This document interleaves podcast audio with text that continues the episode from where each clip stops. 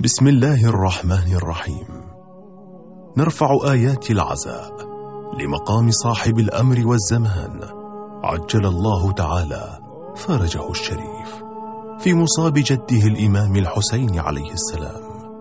شبكة المنير تقدم. محاضرة العلامة السيد منير الخباز دام عطاؤه. لليلة الثالثة عشر من شهر محرم الحرام لعام 1438 للهجرة النبوية.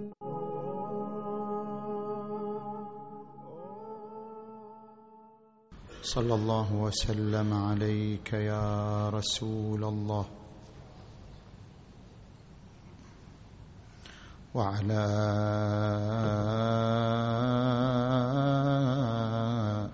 أهل بيتك المنتجبين يا ليتنا كنا معكم فنفوز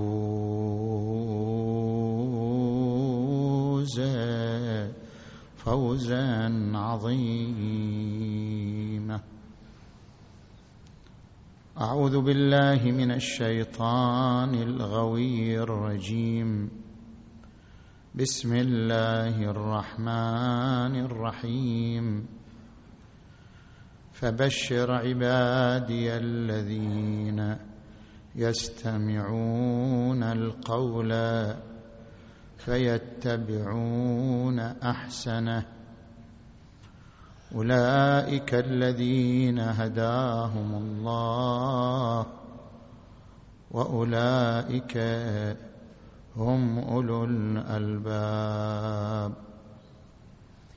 آمنا بالله صدق الله العلي العظيم.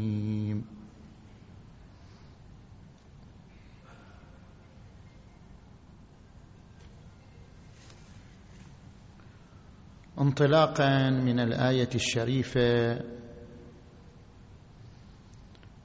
نقوم بالإجابة عن مجموعة من الأسئلة التي وردت نتيجة المحاضرات السابقة. استكمالا لتوضيح بعض النقاط أو تصحيح البعض الآخر.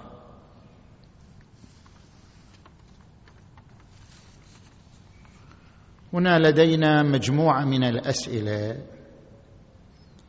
السؤال الأول لماذا اخترتم هذه الطريقة وهي عرض المبادئ الدينية بطريقة علمية فيزيائية ورياضية وفلكية وغير ذلك. هناك سببان. السبب الأول أنا منذ تسع سنوات وأنا أقيم كل سنة أيام الصيف في أوروبا في الغرب. وشاهدت أن ظاهرة الإلحاد تنتشر بين الشباب المؤمن.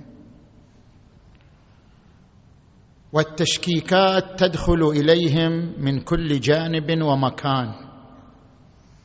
وذلك عبر شبهات تبتني على نقاط فيزيائية ورياضية. لا يدخلون إليهم عبر كلمات عامية أو شبهات خطابية وإنما عبر شبهات مبنية على مبادئ فيزيائية أو مبادئ رياضية. لذلك رأيت من اللازم ومن الضروري أن يقوم رجل الدين بمراجعة هذه العلوم بحيث يكون على وفرة منها ليكون قادرا على رد هذه الشبهات وعلى دفعها. طبعا هذا ليس سبقنا رجال علماء دين سلكوا هذا المسلك. منهم الشهيد السيد محمد باقر الصدر قبل خمسين سنة وأكثر استعان بالنظريات الفيزيائية في كتاب فلسفتنا وغيره في رد كثير من الأفكار الإلحادية. يعني هذا ليس امرا جديدا. فدخلنا مع هذا العلم يعني بدأت رحلة مع علم الفيزياء دراسة وثقافة.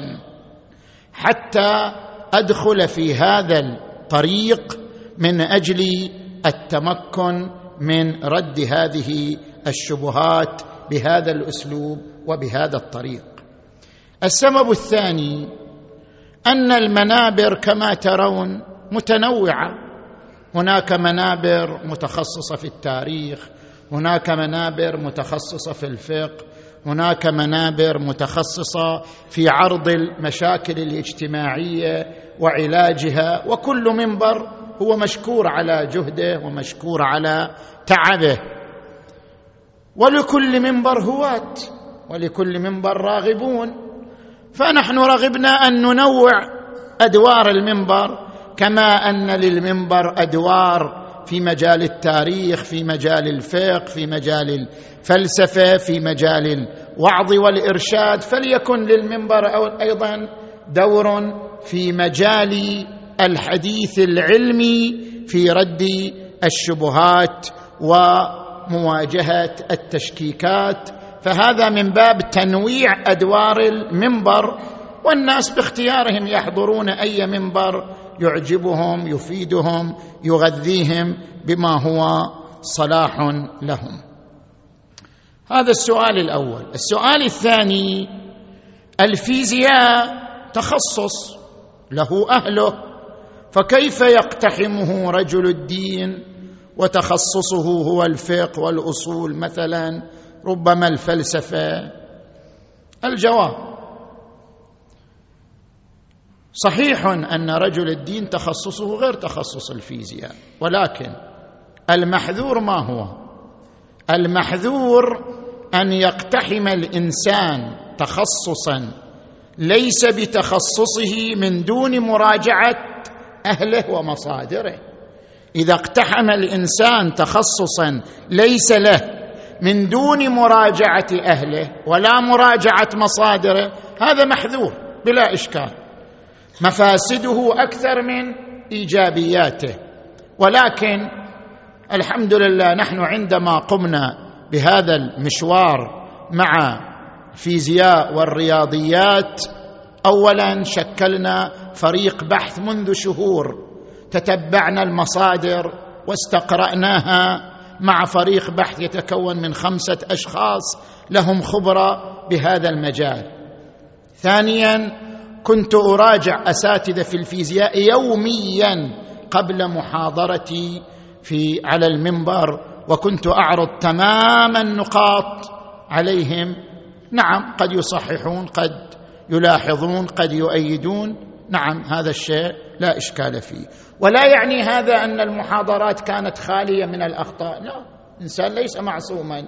ربما نقلت معلومة خطأ ربما أخطأت في اللفظ ربما كان التقريب للفكرة ناقص. ممكن. هذا يحصل من المتخصص فكيف من غيره. زين.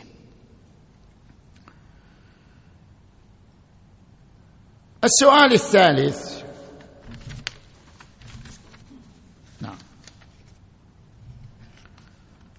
ذكرتم من الأدلة على أن للكون بداية ما ذكرتم من الأدلة على أن للكون بداية وكان ذلك في الليلة الثانية ربما. يشبه ما ذكره الدكتور عمرو الشريف في كتابه كيف بدأ الخلق. فإذا كان هذا هو المصدر لكلامكم فهذا يضعف الطرح العلمي لأن الكاتب غير متخصص. مضافا إلى أن مقتضى الأمانة العلمية أن تذكروا الكتاب. الجواب عن هذا السؤال. اولا هناك مصادر كثيرة راجعناها ويعني عرفناها. ممكن أن تراجع كتاب عقل الإله وكتاب الله والفيزياء الحديثه للفيزيائي الشهير بول ديفيز.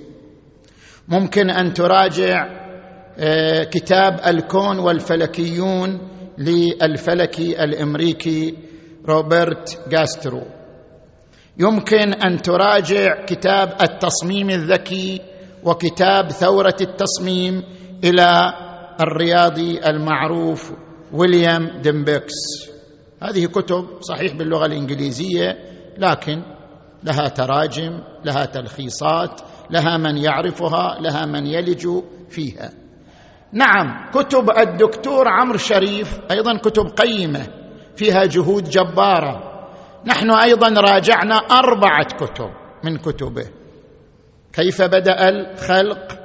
خرافة الإلحاد رحلة عقل الوجود رسالة توحيد. لخصنا هذه الكتب استقرأنا مصادرها صححنا بعض ما فيها. هذه الكتب تحتاج إلى كتب الدكتور بها بالدكتور عمرو بالذات تحتاج إلى مراجعة المصادر تنظيم المعلومات والربط فيما بينها أيضا هذا ضممناه إلى المصادر التي قمنا بمراجعتها في ذلك. زين.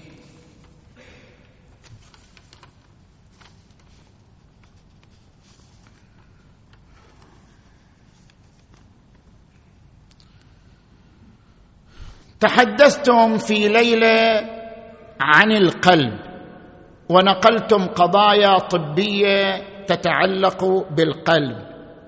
فما هي المصادر التي اعتمدتم عليها في إثبات ذلك؟ الجواب نحن ذكرنا عدة معلومات عن القلب. منها أن لكل خلية عضلية للقلب مجال كهرومغناطيسي مصادر هذه النقطة. راجع ما ذكره مكراتي وغيره في دراسة قدمت عام 1995 بعنوان تأثير العاطفة على دقات القلب في المدى القصير ونشرت في ال journal المجلة الأمريكية في بحوث الطب القلبي cardiology. أيضا ما ذكره سنجر وغيره في دراسة عام 1998 بعنوان العلاقة بين سرعة دقات القلب وصلاحيتها مع الجنس والعمر لتسعة عقود ونشرت في نفس العنوان السابق. ذكرنا أيضا أن المجال المغناطيسي للقلب المتغير يفوق بخمسة آلاف ضعف ما للمخ من المجال المغناطيسي. وأنه يمكن رصد هذا المجال من اثنين إلى ثلاثة متر من جسم الإنسان. ذكرنا هذه المعلومة. ما هو مصدرنا؟ دامسيو في دراسة له نشرت عام 1994 بعنوان الخطأ والعاطفة والاستدلال. وأتكنز في عام 1995 بعنوان الإدراك والعاطفة والحصانة شبكة استتبابية نشرت في الربع السنوية في الطب. زين. ذكرنا من المعلومات أن القلب يستقبل الموجات الكهرومغناطيسية ويفك الشفره ويترجمها إلى مشاعر وأحاسيس. ارجع إلى ما ذكره باديسون في دراسة عام 1998 بعنوان الطاقة الخفية في القلب. أيضا فريدريكسون في دراسة له ما الفائدة من العواطف الإيجابية؟ نشر عام 1998 ذكرنا من المعلومات أن بين القلوب تواصل بين قلب الأم وقلب الطفل وإن لم يكن هناك كلام. هذا موجود راجع في موقع هورت ماث يعني رياضيات القلب. وكونشز لاين نيوز أخبار الحياة الواعية المشرف عليه الدكتور الدكتور باولاك. زين. ذكرنا أن للقلب جهازا عصبيا وذكرنا تفاصيل. ذكر ذلك أورمر وأردل ونشروا أبحاثهم عام 1994 في Neurocardiology في نشرة أكسفورد. وأورمر أيضا له بحث قام به عام 1991 بعنوان بنية وعمل الأعصاب داخل الصدر. وأيضا ساندمان وغيره له دراسة عام 1982 بإمكان أي طبيب أي طالب طب يرجع إلى هذه المصادر ويرى هذه المعلومات التي نقلناها. فإن قلت قد واحد يسألنا طيب هذه المصادر لا تذكر أن هذه الأفكار ثوابت علمية حتى نحمل القرآن عليها وإنما هي مجرد بحوث واستنتاجات. الجواب ذكرت أنا في المحاضرة هذه ليست ثوابت. ذكرت في المحاضرة أن هناك من يخدش في القرآن الكريم ويقول بأن قول القرآن الكريم إنها لا تعمى الابصار ولكن تعمى القلوب التي في الصدور. قال هذا الكلام من القرآن الكريم مخالف للحقيقة العلمية. ليش؟ لأن القلب مجرد مضخة دم. إحنا كان غرضنا ندفع هذه الشبهة. لا نريد أن نقول بأن ما ذكره هؤلاء العلماء في مقالاتهم ثابت. إنما نريد أن نقول ما هو ظاهر القرآن من أن القلب يعي هذا له موافق مجموعة من الأبحاث والمقالات. ربما هذه ما وصلت إلى أن تكون حقائق علمية أو ثوابت لكن لا يصح أن نشكل على القرآن بأنه مخالف للحقيقة العلمية مع وجود بحوث ومقالات منذ عشرين سنة كتبت في مجال وعي القلب وهذا البحث مستمر في هذا الطريق. زين. أكو نقطة أيضا. استغربت أنا يعني بعض اطباء ناقشني أنا مستغرب من هذه المناقشة. زين. نحن عندما نقول القلب يعي شو مرادنا القلب يعي يعني مثل وعي المخ هناك فرق بين الوعي البسيط والوعي المركب. كيف يعني؟ مثلا أنا أعي وأعي أنني أعي. هذا يسمى وعي مركب. يعني أنا أعي وأنا واعي أنني واعي. واع لوعيي هذا يسمى وعي مركب. هذا لا ندعيه للقلب لا نقول القلب يعي وعيا مركبا حتى تقول بأن هذه الأبحاث لا تثبت هذه الدرجة من الوعي. ندعي أن للقلب وعيا بسيطا مثل الحس الآن الأعصاب. كل عصب في الإنسان له شنو؟ درجة من الإحساس درجة من الوعي. أما هذا الوعي وعي بسيط وليس وعيا مركب. فما كان الغرض الإشارة إليه هو الوعي البسيط لا الوعي المركب حتى يقال بأن هذا لا دليل عليه أو لم تثبته الدراسات والمقالات التي أشرت إليها. نرجع الآن إلى الأسئلة. هذا كان ذكر للمصادر. الآن أذكر الأسئلة وأجيب عنها.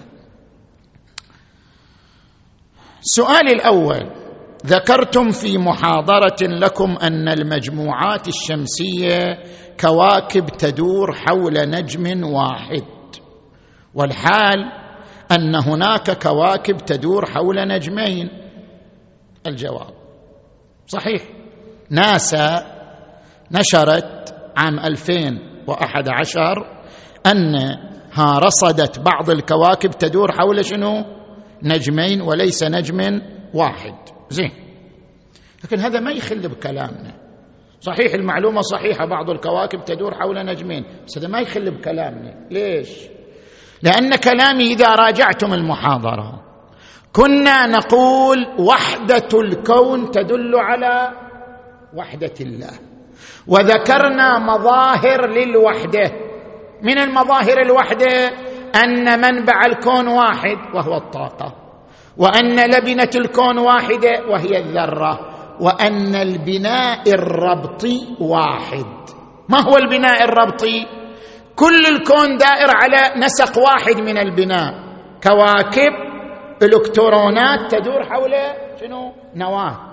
هذه النواة نجم واحد أو نجمين ما يأثر على شنو؟ ما يأثر على الفكرة. افترض أن النواة عشرة عشرة انجم شنو يأثر على الفكرة؟ الفكرة أن البناء واحد مو أن النواة واحدة. ليست الفكرة أن النواة واحدة حتى يقال أكو كواكب تدور حول نجمين إذن النواة مو واحدة. الفكرة أن البناء واحد يعني شنو البناء واحد؟ يعني نسق البناء واحد دائما كواكب تدور حول نواة ربما النواة تكون نجم واحد ربما تكون عشرة. إلكترونات تدور حول نواة ربما هذه النواة تكون ذرة ربما تكون ذرات. ليس الكلام في وحدة المركز الكلام في وحدة البناء أن البناء له نسق واحد. فهذا لا يضر بفكرتنا آه، اطلاقا. زين. نجي إلى السؤال الذي بعده. ذكرتم في محاضرة القلب أن القلب واعي وعنده إحساس ويستقبل رسائل وفك الرسائل. لماذا لا نحمل القلب في القرآن على القلب المعنوي؟ ليش نحمل القلب في القرآن على القلب المادي؟ ليش نحمل القلب المذكور في القرآن على القلب المادي؟ فلنحمله على القلب المعنوي.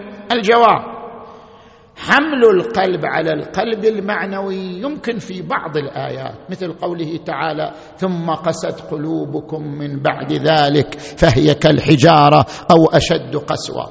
هذا يمكن حمل القلب هنا على القلب المعنوي. أما بعض الآيات واضحة أنها تتكلم عن القلب المادي. إنها لا تعمى الابصار ولكن تعمى القلوب التي قاعد يتكلم عن القلب المادي بعد شلون أنا احمله على القلب المعنوي؟ ولكن تعمى القلوب التي في الصدور. ويقول في آية أخرى يقارن بين القلب وبين الحواس الخمس. والله أخرجكم من بطون أمهاتكم لا تعلمون شيئا وجعل لكم السمع والأبصار والأفئدة. واضح من المقارنة بين الفؤاد وبين الحواس أنه يقصد بالفؤاد الفؤاد المادي. اذا مع هذه الآيات لا مجال لحملها على القلب المعنوي. القلب المادي هو المراد والقلب المادي له درجة من الوعي والإحساس. هذا الجواب عن السؤال الثاني. السؤال الثالث يا إخوان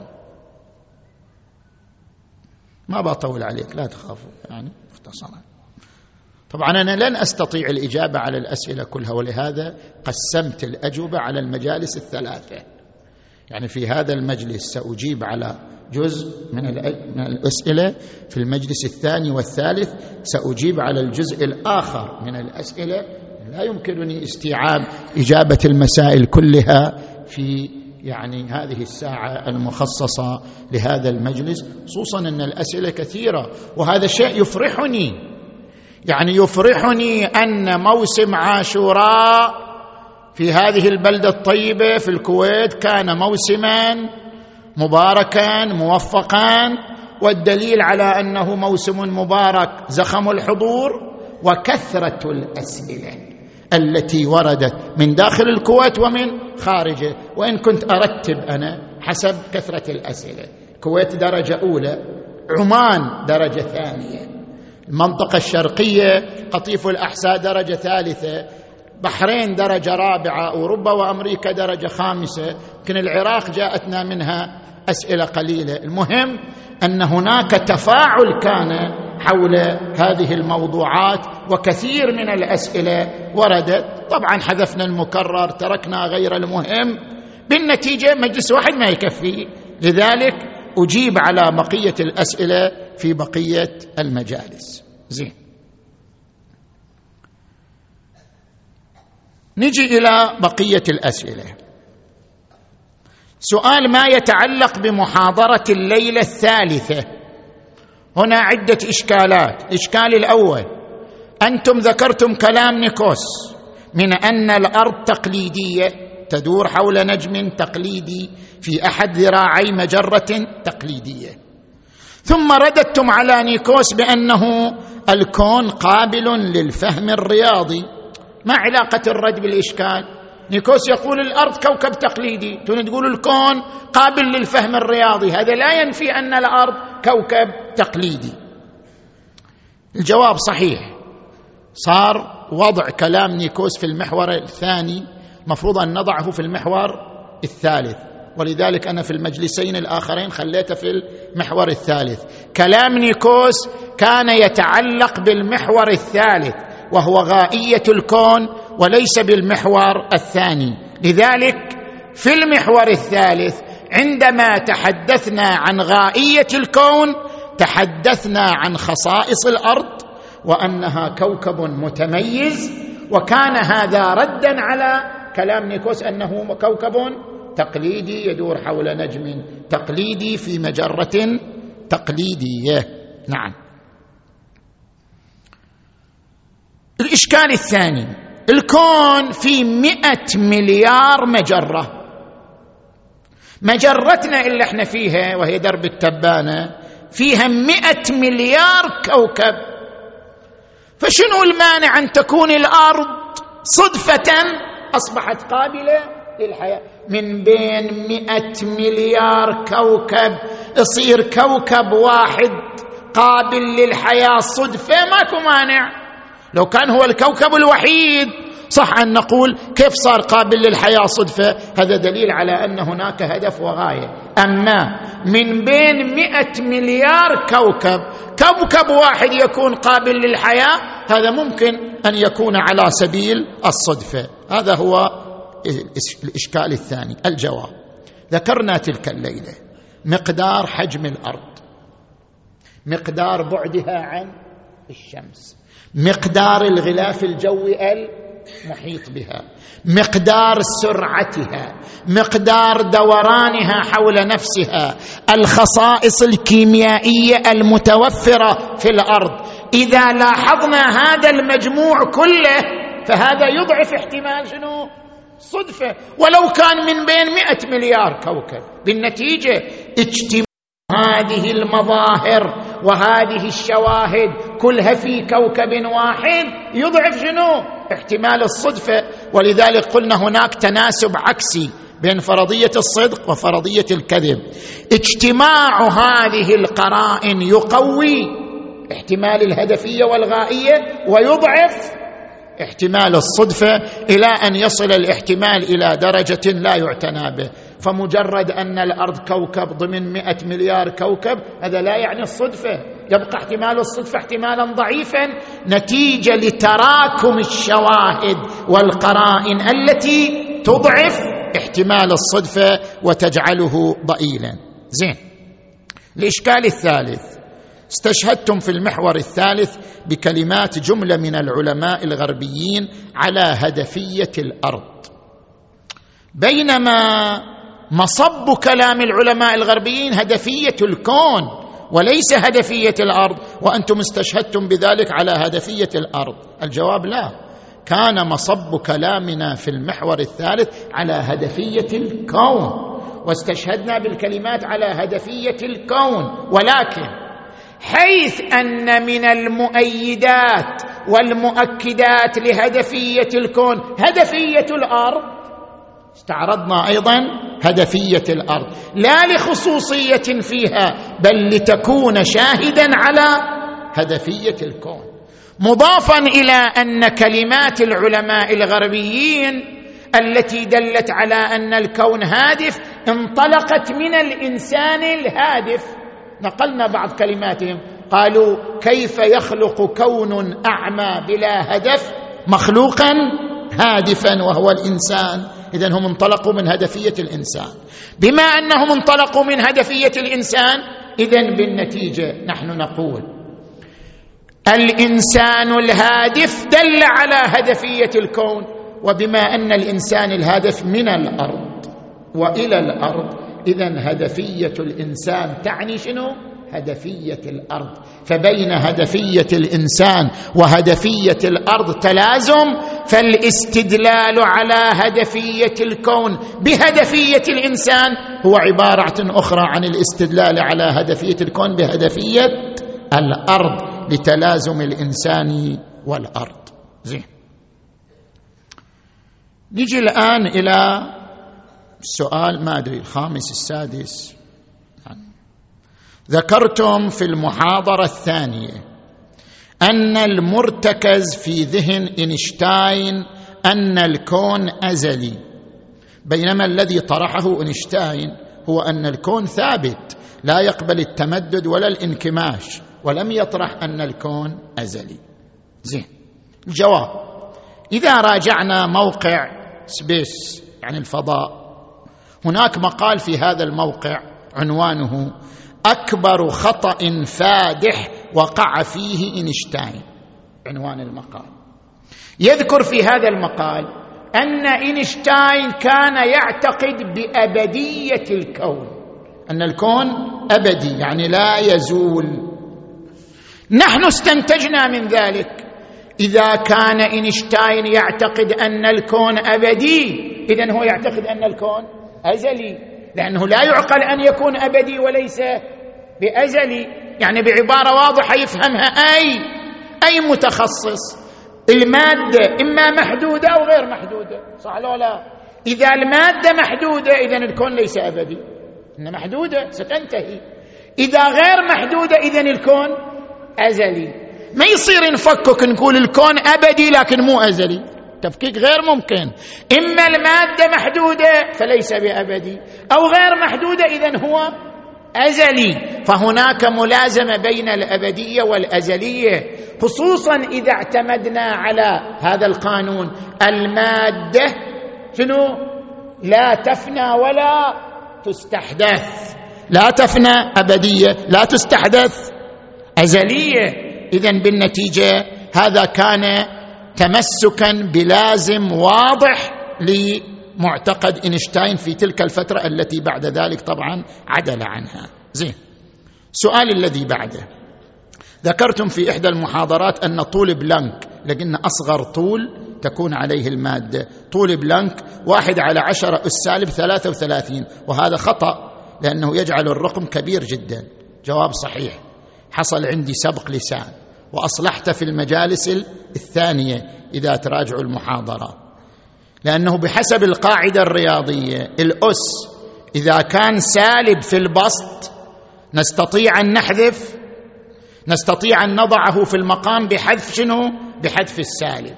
يعني هذا العدد نستطيع أن نعبر عنه. واحد في عشرة السالب ثلاثة وثلاثين أو نقول واحد على عشرة أس ثلاثة وثلاثين. هذا الكلام صحيح. يعني كلا الصيغتين يمكن التعبير بها بحذف السالب في إحداهما. نجي إلى السؤال الذي بعده. ذكرتم أن سرعة تمدد الكون تفوق سرعة الضوء بمليار مليار مرة. وقلتم هذا مستحيل فيزيائيا والصحيح أنه ليس بمستحيل. أز في الزمكان نعم يعني داخل المكان.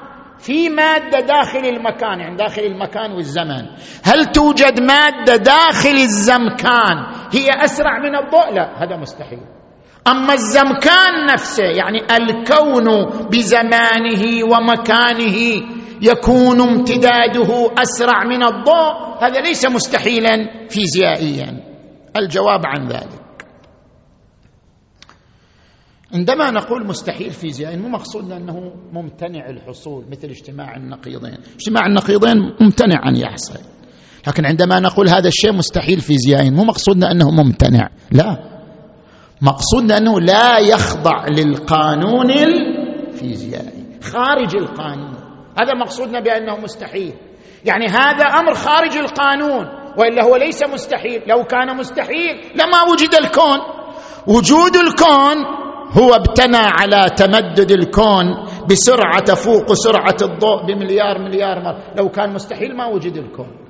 ليس مستحيل بمعنى ممتنع. لا ممكن أن يحصل لكنه لا يخضع للقانون الفيزيائي ولا يمكن للقانون الفيزيائي تفسيره. لذلك احتجنا لقوة خارج القانون تقوم بإبداع ذلك وبإيجاده.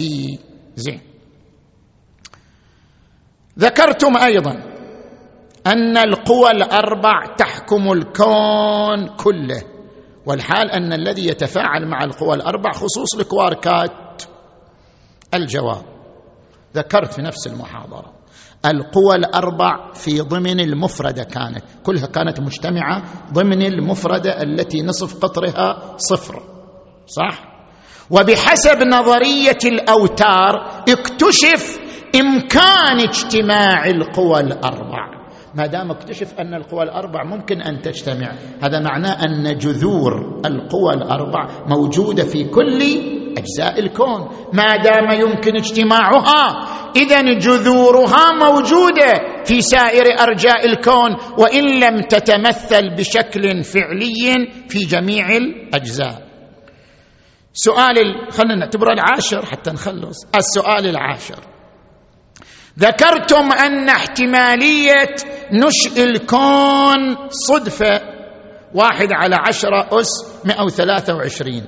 والرقم الصحيح واحد على عشرة مضروبة في نفسها عشرة أس مئة وثلاثة وعشرين مرة. هذا أيضا ذكرت الآن الجواب عنه. كولينز هو الذي قال إن تأثير القيم الكونية على نشأة الحياة صدفة احتماله واحد في عشرة والسالب مئة وثلاثة وعشرين.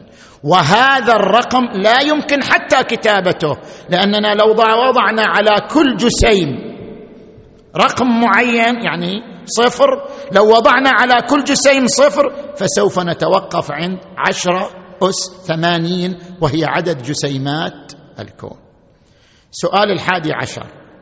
ذكرتم الكون, أن الكون قائم على تزاوج المادة والمادة المضادة. كل شيء في مادة ومادة مضادة مثل الإلكترون إلكترون المضاد ولكن علميا يقال إذا تصادمت المادة والمادة المضادة فنيت.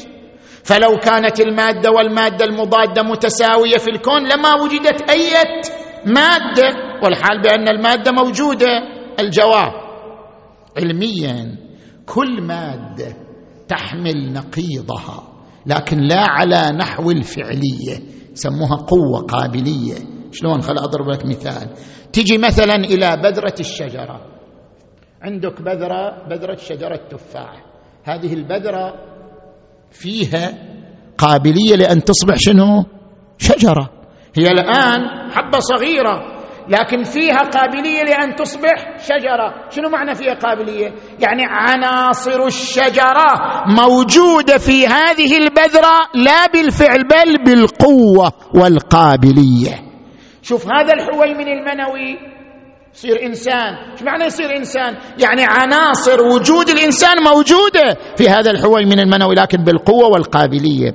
كل موجود مادي هو يحمل المادة المضادة لكن على نحو القوة والقابلية لا على نحو الفعلية والتساوي حتى يوجب ذلك فناء المادة. خلاص وصلنا إلى الأخير. ذكرتم في نسبية الشر أن الوجود ما في شر. يعني جواب الفلاسفة هو خير لجهة شر لجهة. مثل شنو؟ مثل ذكرنا الحشرة. الحشرة شر للإنسان خير لبعض النباتات. زين؟ والجواب لكن بعض الشرور ما فيها خير أصلا مثل السرطان الأطفال. طفل مصاب بالسرطان منذ ولادته. أين الخير؟ هذا شر محض. لاحظوا يا إخوان شرور في شرور تنتسب إلى الله. في شرور تنتسب إلى العباد. إحنا نتكلم عن الشرور التي تنسب شنو؟ إلى الله. والله أب هو مريض نقل المرض إلى شنو؟ إلى أبنائه. بعد يقول هذا شر ليش الله هذا شر هذه عوامل عوامل وراثية فعلت مفعولها. إنسان عاش في بيئة ملوثة شنو؟ أصبح مريضا. يقول لا والله هذا شر. ليس منتسبا إلى الله. وعاش في البيئة الملوثة بعد شنو؟ نتكلم عن الشرور المنتسبه إليه مثل البراكين الزلازل زين؟ الأشياء التي تحدث حدوثا كونيا طبيعيا هذه كيف نعالجها؟ أما الشرور التي تنشأ عن خلل بشري هذه شرور ناشئه عن خلل بشري هذه راجعة للبشر وليست راجعة إلى الله تبارك وتعالى. لذلك ورد في بعض الأحاديث من زوج عن النبي محمد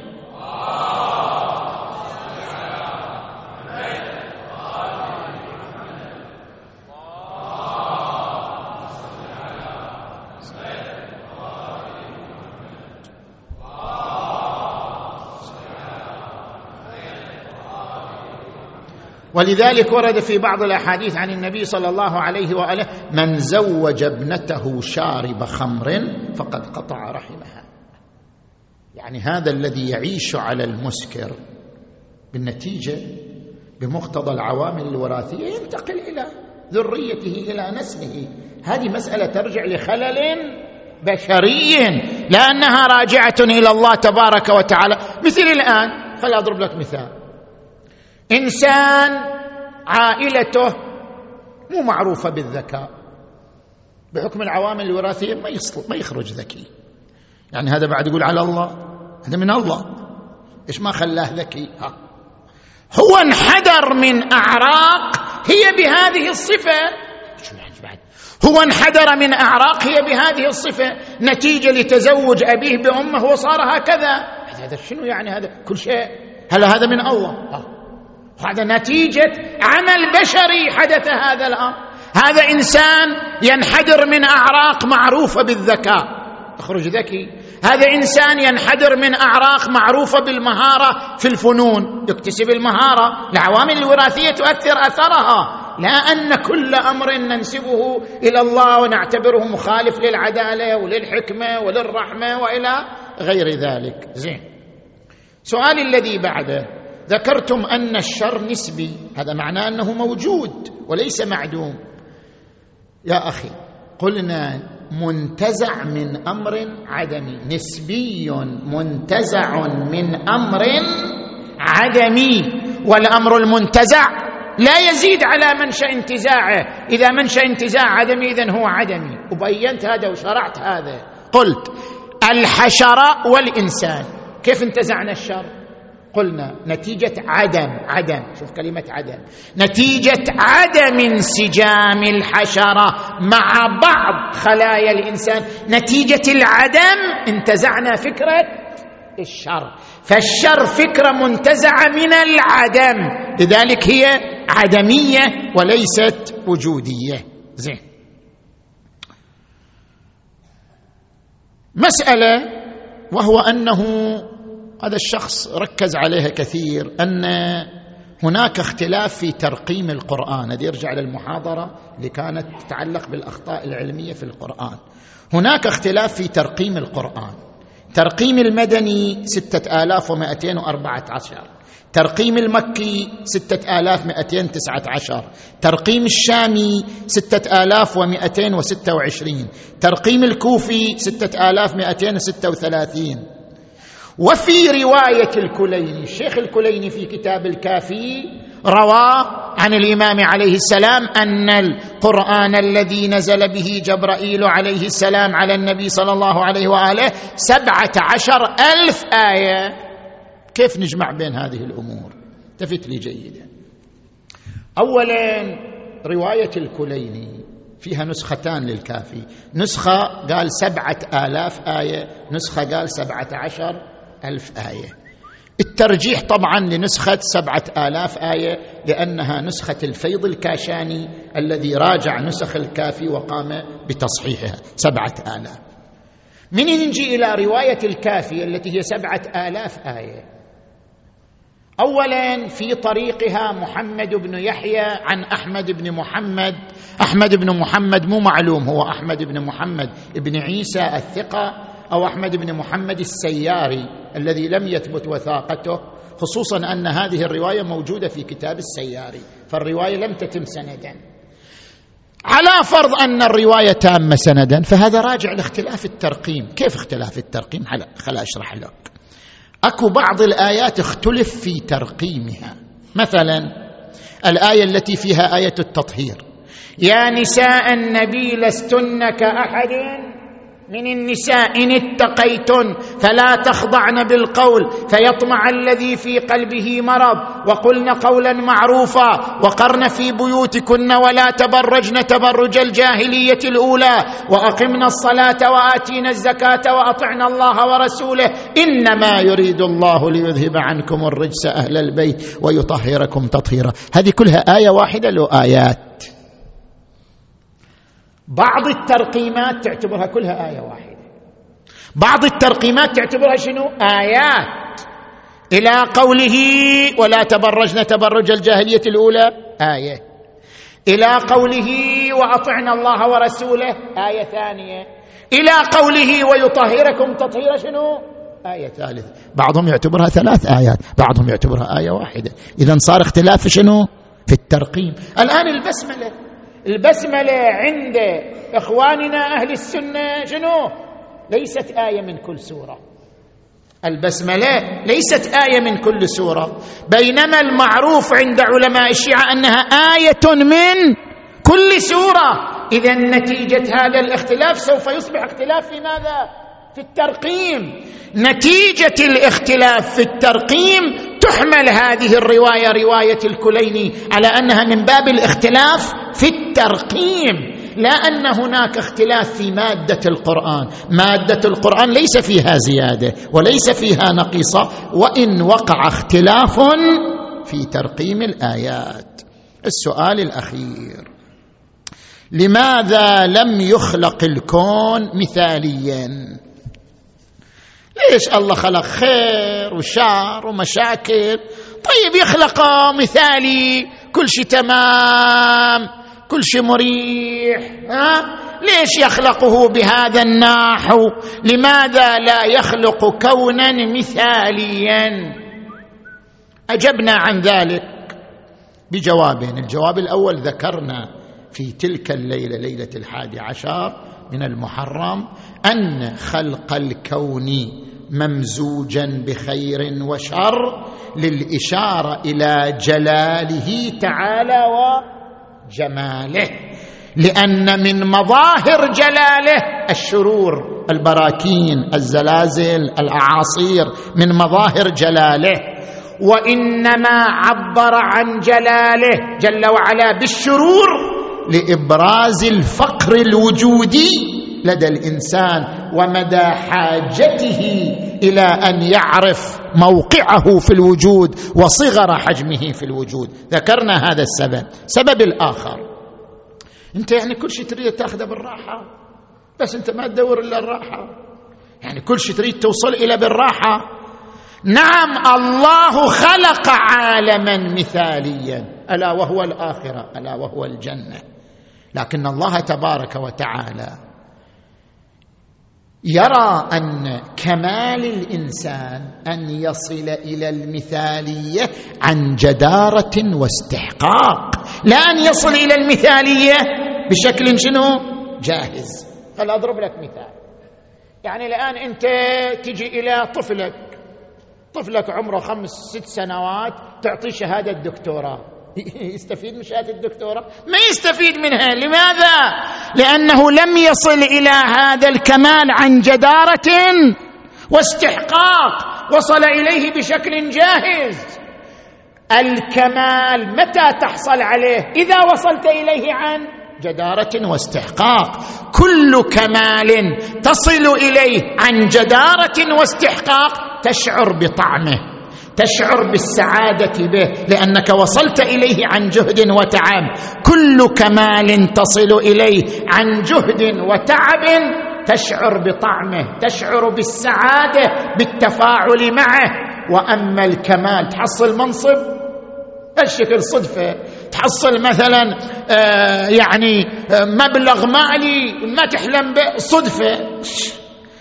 الشيء الذي تصل إليه بجهد وتعب هو الذي تشعر بالسعادة عند التفاعل معه وهو الذي تشعر بكماله وطعمه. لذلك أراد الله تبارك وتعالى أن نصل إلى العالم المثالي وهو الجنة. عن جدارة واستحقاق عن إرادة عن مجاهدة. ولنبلونكم بشيء من الخوف والجوع ونقص من الأموال والأنفس والثمرات. وبشر الصابرين. وقال تبارك الذي بيده الملك وهو على كل شيء قدير الذي خلق الموت والحياة ليبلوكم أيكم أحسن عملا. لذلك اختلف الناس. منهم من وصل إلى الشر منهم من وصل إلى الخير منهم من ارتفع منهم من هوى. كما قال تبارك وتعالى ومن يحلل عليه غضبي فقد هوى. هذا سار نحو الحاء نحو الحفيرة سار نحو النزول. وهناك من سار نحو الصعود. فاذا هناك فرق بين البشر والكل باختياره وإرادته. هناك فرق بين الحر بن يزيد الرياحي وعمر بن سعد. عمر بن سعد كان جندي في جيش الإمام علي. عمر بن سعد ابن خالة علي الأكبر. صور أبناء خالة. بينه وبين علي الأكبر نسب. عمر بن سعد ابن خالة علي الأكبر. وكان جنديا في جيش الإمام علي عليه السلام وقريبا من بيت الإمامة. لكنه ختم حياته بالسوء. لذلك الإمام الحسين جلس وياه ليلة العاشر قبل أن تقع الواقعة. وذكره بالماضي وذكره هو وين كان وذكره هو وين في أي موقع كان. لكنه أصر على أن يتخذ هذا الموقف لذلك قال له الحسين لا أكلت بر العراق. وفعلا بعد قتل الحسين ما استطاع أن يأكل بيده بدعوة الحسين عليه السلام. هذا عمر بن سعد ختم حياته بالسوء. والحر بن يزيد الرياحي. جاء لقتال الحسين. جاء لقتال الحسين. جاء في زهاء ألف فارس لقتال الحسين بن علي لكن يوم العاشر من المحرم. إلى يوم العاشر وهو ما زال على طريقه يوم العاشر من المحرم عندما استعر القتال ورأى الذبح والفتك بآل بيت رسول الله التفت إلى عمر بن سعد قال أنت مصر على قتال هؤلاء؟ قال نعم قتاله أهو قتالا أهونه أن تطير الرؤوس وتقطع الأيدي.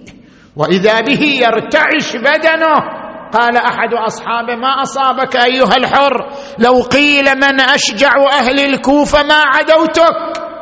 أصابك مثل الافكل قال ما أصابني شيء ولكن أخير نفسي بين الجنة والنار. والله لا أختار على الجنة.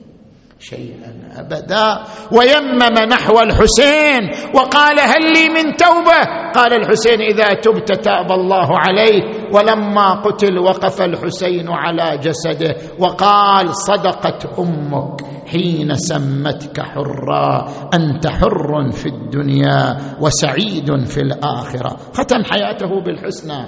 هذا الحر. لما قتلت الجميع والأنصار ظلت جثث القتلى على حر الثرى. جاءت القبائل كل قبيلة إليها قتيل أخذته ودفنته. نعم.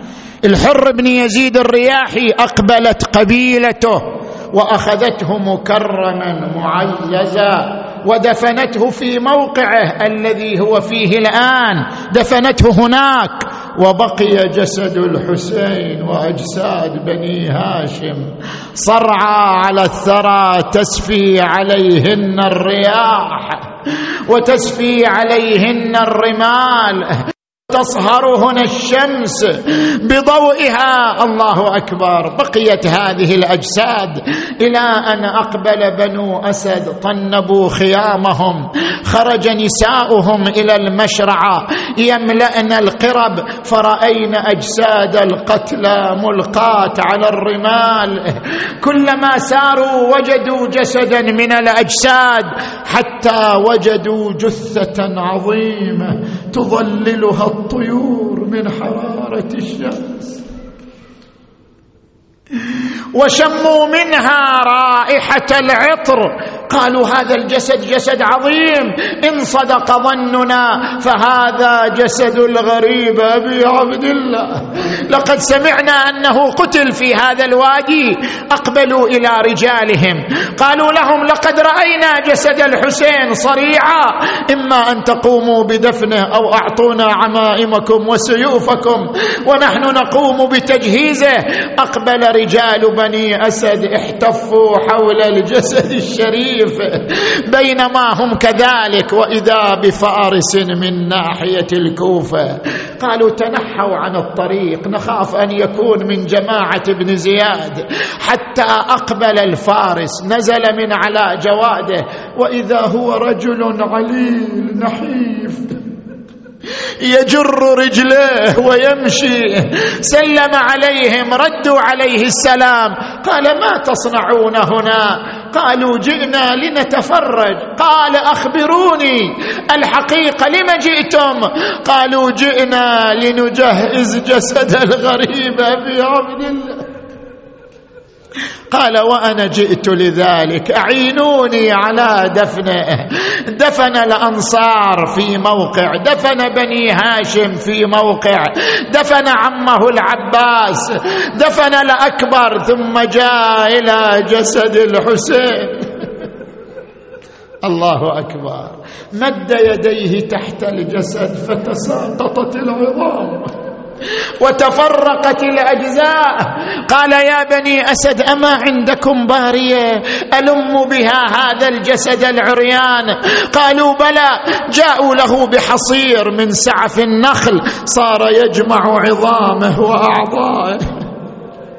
يركب العظام على الصدر يركب الصدر على الساق يركب الساق على القدم إلى أن جمع عظامه وضعه على يديه. قالوا نساعدك على حمله.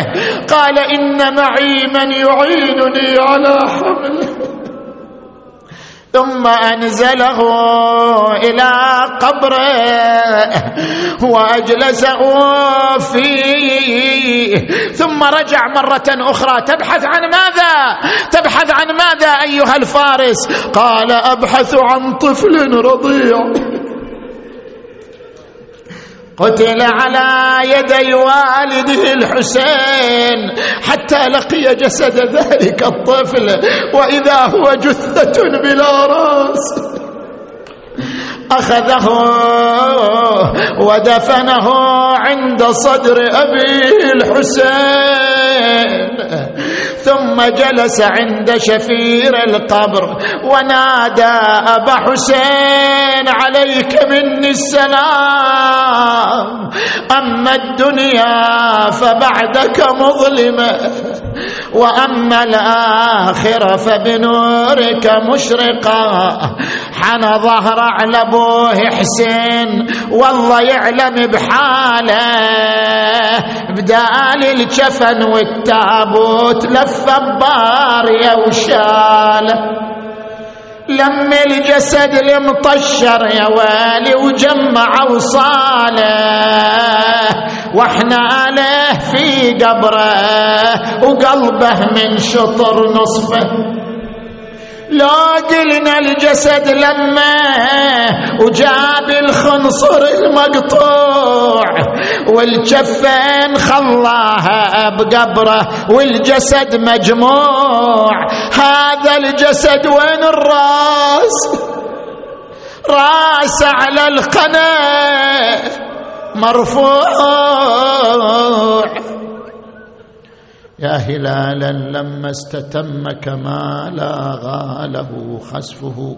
يا الله اللهم بالحسين الوجيه وجده وأبيه وأمه وأخيه والتسعة من بنيه. اللهم اغفر ذنوبنا واستر عيوبنا. اللهم تقبل أعمالنا. اللهم اجعل خير أعمالنا خواتمها وخير أيامنا يوم نلقاك. اللهم وفقنا والمؤسسين والمؤمنين والمؤمنات لما تحب وترضى. اللهم كن لوليك الحجة ابن الحسن صلواتك عليه وعلى آبائه في هذه الساعة وفي كل ساعة وليا وحافظا وقائدا وناصرا ودليلا وعينا حتى تسكنه أرضك طوعا وتمتعه فيها طويلا برحمتك يا أرحم الراحمين.